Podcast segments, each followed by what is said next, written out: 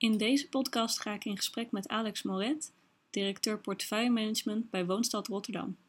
We hebben het over de wensportefeuille 3.0 en hoe je de data die onder het portefeuille en asset management ligt op orde krijgt en houdt. Tot slot vertelt Alex over zijn lezing tijdens het jaarcongres Portefeuille en Asset Management op 4 oktober 2018.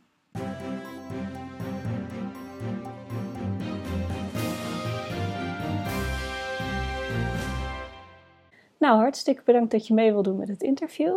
Uh, zou je jezelf even kunnen voorstellen? Ja, ik ben uh, Alex Moret. Uh, ik ben directeur portefeuille management bij Woonstad Rotterdam.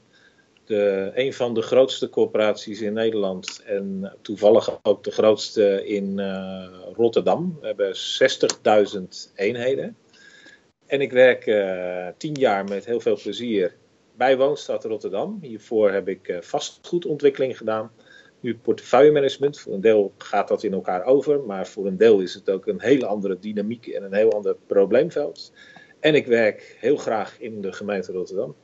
Dan ben ik wel heel erg benieuwd. Um, hoe is het portefeuille en asset management ingebed in de organisatie van Woonstad? Ja, dat is een uh, voor de hand liggende vraag, want daar begint volgens mij, uh, hè, waar, waarom zijn wij op aard in uh, woonstad Rotterdam? Wij zien onze asset managers, waar we er vier van hebben, verdeeld over gebieden in Rotterdam. We hebben bewust voor een gebiedsgerichte indeling gekozen. Dus elke asset manager en een, een medewerker die daarbij hoort, met z'n tweeën hebben ze 15.000 eenheden in hun portefeuille. En wij zien asset manager als eigenaar van het vastgoed en ook opdrachtgever naar alle uitvoerende afdelingen binnen Woonstad. Dat licht ik even toe. Dat zijn uh, degenen die zeg maar uh, de ingrepen moeten doen. Sloopnieuwbouw, uh, renovatie groot, renovatie klein, onderhoud. Dat zijn ook de, degenen die woningen als de asset managers besluiten om woningen te verkopen ook de opdracht geven voor verkoop. Dat kan uh, complex verkopen zijn.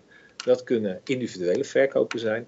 We hebben ook uh, binnen Woonstad Rotterdam een ingewikkelde situatie omdat wij MVE-bezit hebben. Maatschappelijk verantwoord eigendom. Die we verkocht hebben aan individuele eigenaren. Maar waar wij uh, de woningen weer terugkopen als ze afscheid willen nemen. Dat is een bijzondere eend in onze portefeuille. Daarnaast hebben we ook bedrijfsruimtes hebben we parkeerplaatsen en garages en ook nog antennes. Nou, dat is een flinke lijst. ja, en je hebt het inderdaad net over de, over de, de rollen die, die de asset managers uh, vervullen. En ook hoe zij, uh, hoe zij de opdrachten verlenen om tot de gewenste woningvoorraad te komen. Nou moet die natuurlijk wel in beeld gebracht worden. En dat doen jullie door middel van de wensportefeuille 3.0. Zeker. De wensportefeuille is een, uh, een, onderdeel wat eigenlijk wordt aangestuurd door de andere afdeling die onder portefeuillemanagement past. Dat is de afdeling portfolio. Dat zijn ongeveer 15 mensen die zich bezighouden met onder andere het uh, opstellen van de wensportefeuille en zorgen dat al die ingrediënten van de wensportefeuille één worden gemeten. Dat is al een onderzoek en een uh, exercitie op zich omdat Woonstad, ik denk net als alle andere corporaties, maar je mag dat volgens mij ook breder trekken in vastgoedland, uh, niet de data op orde heeft. Dus uh, dat is een beetje schipperen tussen zeg maar, data die er zijn, inzichten die er zijn, in combinatie met steeds verbeteren van de data van ons vastgoed, maar ook van huurinkomsten, uh, van rendementen, van IRR's, van barren en weet ik van wat. En dat doet de afdeling portfolio uh, steeds beter in beeld te brengen om ook ons bestuur uh, van goede adviezen te voorzien hoe het balans in onze portefeuille gegarandeerd kan worden. Ja, ja je vertelt inderdaad dat, dat er heel veel uh, data nodig is. jullie gebruiken ook een risicokaart. Um, kun je daar wat meer over vertellen? Ja, die risicokaart probeert in beeld te brengen wat het risico is van onze complexen om ook de complexen onderling te kunnen wegen.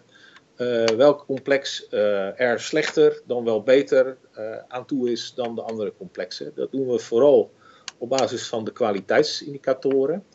We hebben heel veel complexen, helaas in Rotterdam, die funderingsproblemen kennen. Die kennen bij ons een hoge risicowaardering. Dus je moet dat eigenlijk negatief zien, maar het is maar hoe je het uitdrukt daarvan vinden we dat ook de veiligheid van die complexen in het geding staat. Dus we vinden ook dat we die ten alle tijden moeten aanpakken. Dan hebben we ook eh, complexen waar nog asbest in zit, waar brandveiligheidsproblemen zijn, waar schimmelproblemen zijn, uh, waar uh, slechte badkamers, keukens en wc's in zitten. Dus elk complex wordt op die risicokaart gewogen. En dat gaat via een soort logische methode. Hoe meer je weet, hoe nauwkeurig je kan afwegen. We erkennen dat we een aantal blinde vlekken hebben in die uh, risicokaart. Dus we hebben heel veel onderzoeken lopen om die risico's ook beter in beeld te brengen. We kijken daarnaast ook naar de doelgroepen. En wij constateren ook dat we daarvan heel veel niet weten. Eigenlijk ook best wel weer veel. Maar er is sprake van een zeer dynamische woningmarkt. Dus we proberen ook onze complexen in beeld te brengen met bijvoorbeeld toegankelijkheid, doorgankelijkheid, studentenhuisvesting, uh, seniorenwoningen. Dat mag je volgens mij tegenwoordig niet meer zeggen. Uh, uh, nou, dat soort dingen. Ja, dus die wensportefeuille die, die speelt ook wel een, een hele sterke rol bij de sturing van de woningvoorraad.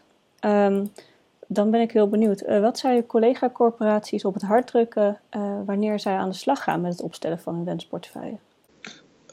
Het is volgens mij, het, is maar hoe je het brengt. Volgens mij zijn alle corporaties bezig met vooruitkijken waar hun woningvoorraad naartoe moet. dat betekent ook dat je zeg maar, zo snel mogelijk daarmee aan de slag moet gaan. Maar het gaat vooral om zeg maar, het herkennen van dat er gewijzigde omstandigheden zijn om op elk moment die wijzigingen in beeld te kunnen brengen. Want als je iets wijzigt aan de wensportefeuille, wijzigt dat ook in andere onderdelen van de wensportefeuille. En krijg je de totaalconsequenties als organisatie heel snel in beeld. En kan je heel snel bijsturen. De wensportefeuille uh, is in die zin voor de gemeente Rotterdam ook heel bijzonder, omdat wij binnen de gemeente Rotterdam vooral heel veel discussie hebben over het behoud van sociale woningen versus de ambities van het huidige gemeentebestuur. We wachten op een nieuw gemeentebestuur. Maar dat geeft aan dat er veel sociale woningen worden ontrokken. En naar ons idee is de grens eigenlijk wel een beetje bereikt. En daar gebruiken we de informatie die is opgeslagen is in de wensportefeuille. Om daarmee met de gemeente te kunnen communiceren hoe we dat willen gaan sturen. Ja, je noemde eerder ook al dat, dat data uh, een erg belangrijke rol speelt. Uh, daar zetten jullie ook sterk op in om die data uh, in orde te krijgen en te houden. jullie ontwikkelen ook bijvoorbeeld real-time data met Woonstad Intelligence. kun je daar wat over uitleggen? Ja, dat, dat klinkt ingewikkelder dan het is. volgens mij is de essentie van goede data ook zorgen dat er eigenaarschap is van die data. En we hebben inmiddels ook gemerkt, dat zenden we, dragen we ook uit in onze interne organisatie, zodat er iemand van is, wordt de data ook beter. Het kan geen argument zijn om zonder data uh, een wensportefeuille niet te kunnen opbouwen. Je kan met gebrekkige data dat ook doen. Alleen zal je steeds met betere data zorgvuldige afweging kunnen maken. En het ook beter in beeld kunnen brengen. En uh, daar begint het bij ons mee. We noemen dat een, een vastgoedinformatieprogramma wat we nu aan het opbouwen. Maar de essentie is eigenlijk dat we binnen de organisatie gewoon een afdeling of een persoon eigenaar maken van dat database. En dan gaan we ervan uit dat het steeds beter wordt. Ja, ja dan ben ik wel heel benieuwd. Welke resultaten hebben we hiermee uh, al bereikt? Ja, nou voor, voorlopig zijn we ermee bezig om dat in beeld te brengen. Uh, wij hebben al een aantal slagen gemaakt in bijvoorbeeld uh, de nieuwe gegevens in beeld te brengen van de nieuwe doelgroepen. Dat was voor ons ook een uitdaging om in dat in beeld te brengen.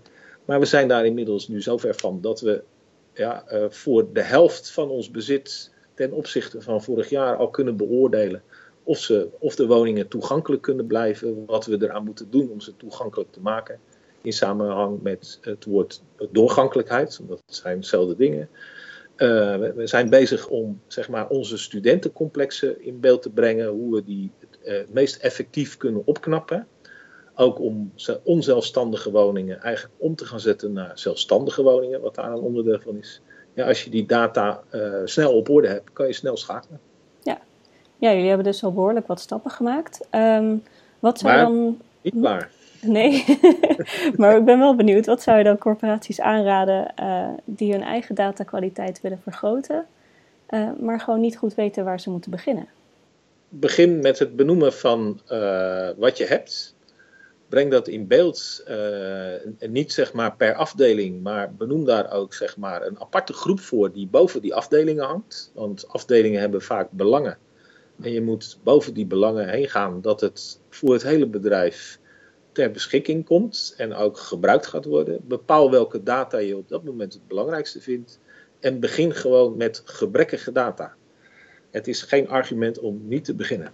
En dat betekent ook dus dat je het eigenaarschap moet invullen.